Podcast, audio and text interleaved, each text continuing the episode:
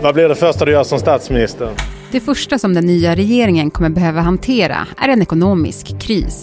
Inflationen stiger, räntorna stiger, energipriserna stiger. Hushållen får det allt kämpigare att betala sina bolån. Många klarar ju sina amorteringar, men det är viktigt att kunna pausa för att klara sin ekonomi. Kanske borde amorteringskravet avskaffas igen. Aldrig i livet, säger Finansinspektionen och Riksbanken. Är det läge att lätta på de här kraven nu? Nej, det har jag inte öppnat för. På en kvart får du veta vem som vinner maktkampen mellan tjänstemännen på Finansinspektionen och politikerna. Svenska hushåll pressas nu extremt hårt. Det är tisdag den 18 oktober. Det här är Dagens Story från Svenska Dagbladet med mig, Alexandra Karlsson.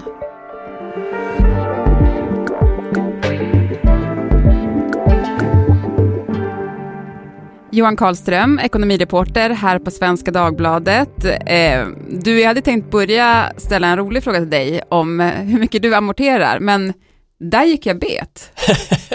ja, nej, men det är känsliga frågor liksom att prata om privatekonomi och så vidare. Så att, eh, jag, jag, jag, passar på den frågan. Men det är ju klart att den här frågan engagerar otroligt. Det ser man ju på läsarresponsen på när man skriver, artiklar, eh, man skriver sina artiklar just om amorteringskravet. Så det, det är en fråga som engagerar. Mm. Du, vi ska verkligen eh, gå in på djupet på, på amorteringskravet idag. Eh, men jag tänkte, det var väl ganska nyligen man blev tvungen att amortera? Ja, alltså det första amorteringskravet eh, det, det kom på plats 2016, så sex år sedan. Um, så att, uh, ja, förhållandevis nyligen. Mm. Innan dess så fanns det inga sådana tydliga krav, inte på det sättet som vi har idag då där, där myndigheten då tvingar hushållet att amortera då en viss summa varje månad. Mm. Varför införde man det kravet då? Nej men det var ju det här att hushållens skuldsättning har gått upp jätte, jättemycket de senaste decennierna. Går man tillbaks till mitten av 90-talet och jämför med idag då så har hushållens skulder som andel av den disponibla inkomsten som de har då, alltså inkomsten efter skatt, har mer än fördubblats. Så att det har varit en jätte, ja skulderna har ökat otroligt mycket och och då kände, kände myndigheterna och även politikerna, politikerna ska vi säga att eh, det, det, kan bli farligt. Det kan leda till en bostadsbubbla eller det kan leda till att hushållen får en sämre motståndskraft, det vill säga det blir svår, väldigt svårt för dem om, om och när räntorna då stiger så som de har gjort nu då. Mm. Och det kan ju då få en negativ effekt på ekonomin då, om de har mindre pengar kvar i plånboken då, om det blir dyrare med bolånen. Mm. Så att det var hela det, här, det där resonemanget då som, som fördes och det var därför man man införde de här kraven. Mm. Och det är det vi ser nu, det blir jobbigare för hushållen att betala sina ja, bolån. Ja men så är det ju verkligen, även, även om räntorna inte alls är på de nivå, samma nivåer som de var för 15 år sedan innan den globala finanskrisen så har de ju ökat, de är från, från låga nivåer och, och eh, hushållen är ju känsligare än vad de någonsin har varit tidigare kan man ju säga för, för höga räntor i och med att skulderna har ökat så mycket som de har. Mm. Varför har vi tillåtit att de har ökat så mycket då? Ja, en bra fråga. Eh, men alltså om man ska gå in och titta på varför, eh, varför skulder har ökat så är, har, har det mycket med just räntorna att göra. Efter den globala finanskrisen 2008-2009 så, så behövde centralbankerna runt om i världen, inklusive då i Sverige, sänka räntorna otroligt mycket för att få upp inflationen till sitt inflationsmål på 2 eh, Och det har då gjort att, att räntorna har varit mycket, mycket lägre än vad de var, har varit historiskt och då har ju såklart hushållen kunnat låna mer pengar eh, och eh, för att köpa bostäder, bostadspriserna har gått upp och då har man behövt låna mer pengar. Mm. Johan, du har ju skrivit om maktkampen som, som pågår just nu mellan Finansinspektionen å ena sidan och politikerna å andra sidan när det gäller just då amorteringskravet. Hur ser den maktkampen ut? Ja, just nu så är det ju så här att, att myndigheterna då, Finansinspektionen, Eh, och även Riksbanken då som, som analyserar finansiell stabilitet och den här typen av frågor i Sverige. Cheferna för båda de myndigheterna har gått ut och sagt att de tycker, de tycker att vi ska ha kvar de här amorteringskraven som de är. Men det är flera politiska partier eh, som nu vill luckra upp på kraven och där har vi då ja, helt, helt plötsligt för första gången kan man säga eh, en, en stor oenighet då mellan myndigheterna å ena sidan och politikerna å andra sidan.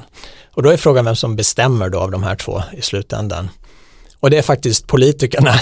Eh, så, så, är det helt enkelt för att det är Finansinspektionen som, som, som då tar fram ett förslag på ett beslut eh, men sen så måste då regeringen säga ja eller nej till det här då innan Finansinspektionen fattar det slutgiltiga beslutet.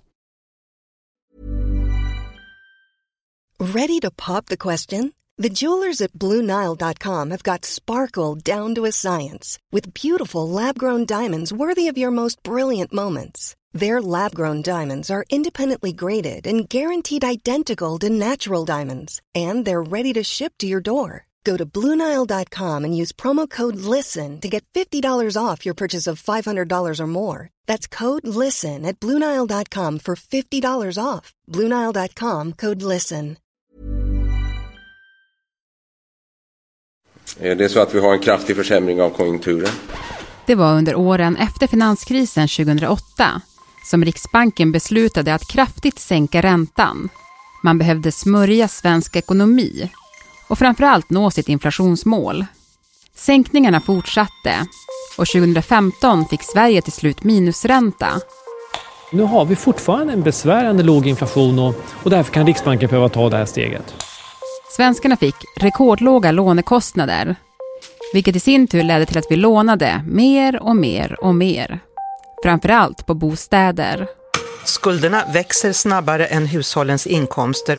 Idag är vi Europas näst mest belånade folk efter danskarna. Och det var därför som Finansinspektionen rekommenderade regeringen att införa det amorteringskrav som trädde i kraft 2016. En av de viktigaste riskerna i svensk ekonomi är att hushållen har ökat sin skuldsättning. Sedan dess måste den som lånar över hälften av bostadens värde amortera. Betala tillbaka på lånet, helt enkelt. Om hushållets samlade inkomster är för låga måste man amortera ännu mer. 2016 var man överens om det här. Men nu har det alltså blåst upp till maktkamp. Politikerna öppnar för att ge hushållen lättnader. Vi ser det som nödvändigt att vi direkt pausar det här amorteringskravet. Något Finansinspektionen inte vill. Då vill vi klara av dem med lägst marginaler och det är väl så i alla fall den politiska debatten ser ut. Då är det här en väldigt dålig åtgärd. Ja, men upplägget vi har här i Sverige, det är ju den att Finansinspektionen rekommenderar vad man bör göra, men det är politikerna som fattar besluten. Och det här är något som har fått kritik, som jag förstår det. Ja, nej, men det var ju bland annat eh, Mervyn King då, som är tidigare eh, centralbankschef i Storbritannien och som ett tag eh, som utvärderade för flera år sedan Riksbankens penningpolitik som då alltså satte sig in lite hur det fungerar här i Sverige. Han var kritisk till den här, så som den här Eh, det här upplägget var då eftersom man, det blir lite luddigt, man vet inte riktigt vem är det som har ansvaret eh, och är det, är det myndigheterna som har ansvaret eller är det politikerna? Det är liksom ett delat ansvar här men, men som sagt då i slutändan så är det ju faktiskt politikerna som har ansvaret för det här för de kan ju faktiskt säga nej till F- FIs Finansinspektionens förslag eller säga ja. Och så här långt så har de ju då sagt ja. Mm, exakt, men, men frågan är om de kommer fortsätta säga ja. Eh, när vi spelar in nu så har ju Ulf Kristersson presenterat sin regering. Eh, och där har ju flera partier pratat om att lätta på amorteringskravet. Alltså vad vill de konkret göra?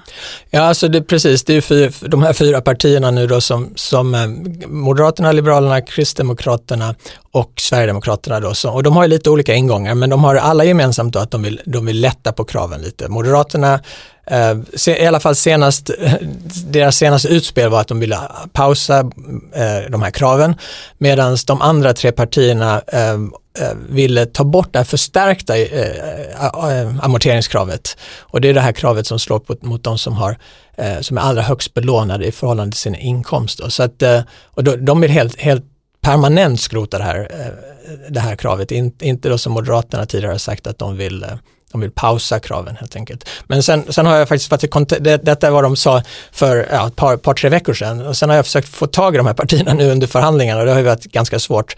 Men jag har ändå lyckats kontakta flera av dem och då verkar det som, nu vill de inte riktigt sätta ner foten på samma sätt, det kan ju ha med förhandlingarna att göra. Så, så vi, vi, får se var det hela slutar. Det kan ju också ha med, med, med de här med FIs utspel, Finansinspektionens utspel eh, och Riksbankens utspel om att de, de är kritiska till det här som politikerna vill, att de kanske nu tar ett steg tillbaka. Vi får helt enkelt se vad, vad som händer här. Mm. Men om man skulle ja, slopa amorteringskravet eller, eller ändra det då, vad skulle det innebära? Ja, alltså det hade varit en lättnad för många hushåll såklart, eh, som nu slipper amortera, om de väljer att göra det. Det, det, det behöver de inte alls göra, utan det, det, finns ju många som tycker att det är en väldigt bra sparform och, och vill, vill fortsätta, amortera, fortsätta amortera. Så att, Så att ehm, ja, för hushållen själva, så är, en del hushåll så är det en lättnad, för andra spelar det kanske inte lika stor roll om man tittar just på den nivån. Men sen, sen har du ju hela, hela, om man tittar vad har det för betydelse för svensk ekonomi då? Um, och det är någonting annat och där, och där, finns ju olika åsikter i den och frågan vad som skulle hända då om man lättar på amorteringskraven. Mm. Och där, anser, eller där antar jag då att både Finansinspektionen och Riksbanken eh, har teorier om det, för det är väl därför de är så emot det. Vad tänker de kommer hända om man tar bort amorteringskraven? Jo, men alltså det, det, deras hela argumentation hela tiden har ju varit, och fortsätter att vara, är just det här med, de, de är oroliga för de höga skulderna i Sverige. Då. Eh, och en, en bostadsbubbla, men framför allt det här att om, om eh, vi skuldsätter oss för mycket och räntorna sen går upp, vilket de gör nu, låt oss säga att de går upp ännu mer av någon anledning senare i framtiden, då kommer, ju, då kommer det här urholka hushållens köp, köpkraft. De kommer ha mindre pengar kvar i plånboken efter de har betalat sina bolån mm. och då kan man köpa mindre grejer från företag, då går ekonomin sämre, arbetslösheten kanske stiger och sådär. Så just, just den här konsumtionseffekten, den negativa konsumtionseffekten, det är väl den kanske som de är allra mest eh, oroade för, i alla fall lite mer i närtid. Då. Mm. Men man kan väl tänka sig då om man slopar amorteringskravet, då kommer ju folk få mer pengar att kunna köpa saker för, för man slipper amortera, eller? Jo men precis, precis. Och, och eh, eh, precis. och det kan man ju då tycka är bra då i en lågkonjunktur som vi går in i nu då, när ekonomin är bra, då kanske tänker man att jo men vi vill ge pengar till hushållen här så att de kan hjälpa och stimulera ekonomin och göra det lättare för dem. Eh, och det var ju precis det som hände då till exempel under pandemin. Då pausade man ju faktiskt amorteringskraven just av den anledningen att man ville, man ville hjälpa hushållen och hjälpa ekonomin.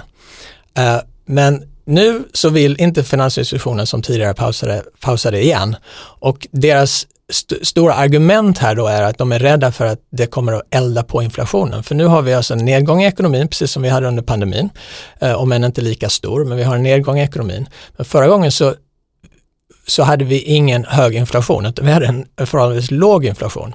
Eh, och då, då fanns ju inte den här risken med att elda på inflationen. Nu har vi en, en lågkonjunktur och hög inflation och det är därför som man då är orolig för att då stimulera hushållen och hjälpa hushållen. För då kanske inflationen stiger ännu mer. Mm. Men amorterar vi så mycket att det skulle påverka inflationen? Nej, precis. Men det är det som många, de som är emot amorteringskraven då eh, argumenterar för. De, de poängterar att det är långt ifrån alla som, det är inte så som om man sänker skatten till exempel eller ger ett elstöd till väldigt många hushåll. Det här drabbar inte alls lika eh, många så att säga, så därför kanske du inte får den här inflationseffekten på samma sätt. Eh, alltså om, man, om man bara ska räkna upp lite siffror då så har vi ungefär 5 miljoner hushåll i Sverige. Och det är bara 2,5 miljoner av de hushållen då som har lån överhuvudtaget. Mm. Uh, och sen är det bara 600-700 000 av dem som omfattas av amorteringskravet. Så då kommer du fram till att ungefär 15 procent av alla hushåll uh, omfattas av amorteringskravet. och, och det är ju långt ifrån alla svenskar då. Så frågan är, argumenterar de här då som, som, som inte gillar amorteringskravet, frågan är hur stor effekt det här faktiskt skulle ha på inflationen. Eh, mm. Och sen får du också tänka att under pandemin så gav man ju folk en chans att inte amortera, det vill säga man pausar amorteringskravet. Men då var det färre än hälften av de här som, som faktiskt omfattas av det var bara så, som, som valde det, utan de flesta, de fortsätter faktiskt amortera genom pandemin. Mm. Men är inte skillnaden nu då att så här, man har mindre pengar nu? Alltså under pandemin så var det ju inte så höga räntor som det är nu. Man, det var inte samma läge. Nu kanske det ändå är att det skulle hjälpa en att inte amortera? Jo men verkligen, alltså, hus, hushållen har det, är ju en sämre, eller många, det beror ju på, vissa, många förlorar jobbet och så vidare under pandemin, många hade det ju väldigt jobbigt då. Mm. Men det är också många hushåll som har det värre nu, så de, klart att de kanske skulle vilja ha de här extra pengarna. Men, men man får då titta, om man ska förstå varför myndigheterna tänker som de tänker, så får man ju se på det här lite bredare perspektiv. Mm. Vad tror du då Johan? Kommer amorteringskravet bli kvar eller kommer det försvinna? Ja, det är en bra fråga. Mm. Nej, men det kanske kommer att modifieras. Det är väl ändå, alltså det är alla kan gissa på det här, jag har ingen aning, men alltså, man kan ju tänka sig ändå eftersom politiker har varit ute och inte bara nu precis innan valet utan även innan valet så har det liksom byggts upp ett momentum för att man vill se någon slags lätt, lättnad och lätt, alltså att man ska lätta på kraven på något sätt. Så det, det pekar väl i den riktningen. Och då kan man väl tänka kanske att det här förstärkta amorteringskravet kanske är det som eftersom det drabbar ganska få människor så att säga. På, på ett sätt, då, alltså då får du inte den här makroekonomiska, stora makroekonomiska konsekvensen. Kanske att, att det är det då kanske som tas bort, men, men vem vet, men någon slags lättnad. Mm. Tack Johan för att du var med i Dagens Story. Tack själv. Burrows furniture is built for the way you live. From ensuring easy assembly and disassembly to honoring highly requested new colors for their award-winning seating, they always have their customers in mind. Their modular seating is made out of durable materials to last and grow with you. And with Burrow, you always get fast, free shipping. Get up to 60% off during Burrow's Memorial Day sale at burrow.com slash ACAST. That's burrow.com slash ACAST. burrow.com slash ACAST.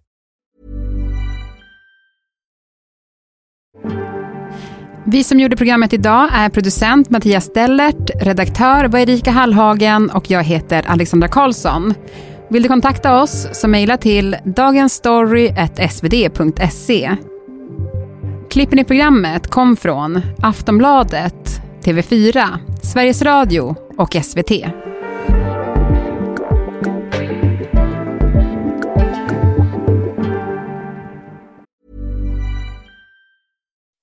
When you make decisions for your company, you look for the no-brainers. If you have a lot of mailing to do, stamps.com is the ultimate no-brainer. Use the stamps.com mobile app to mail everything you need to keep your business running with up to 89% off USPS and UPS. Make the same no-brainer decision as over 1 million other businesses with stamps.com. Use code PROGRAM for a special offer. That's stamps.com, code PROGRAM.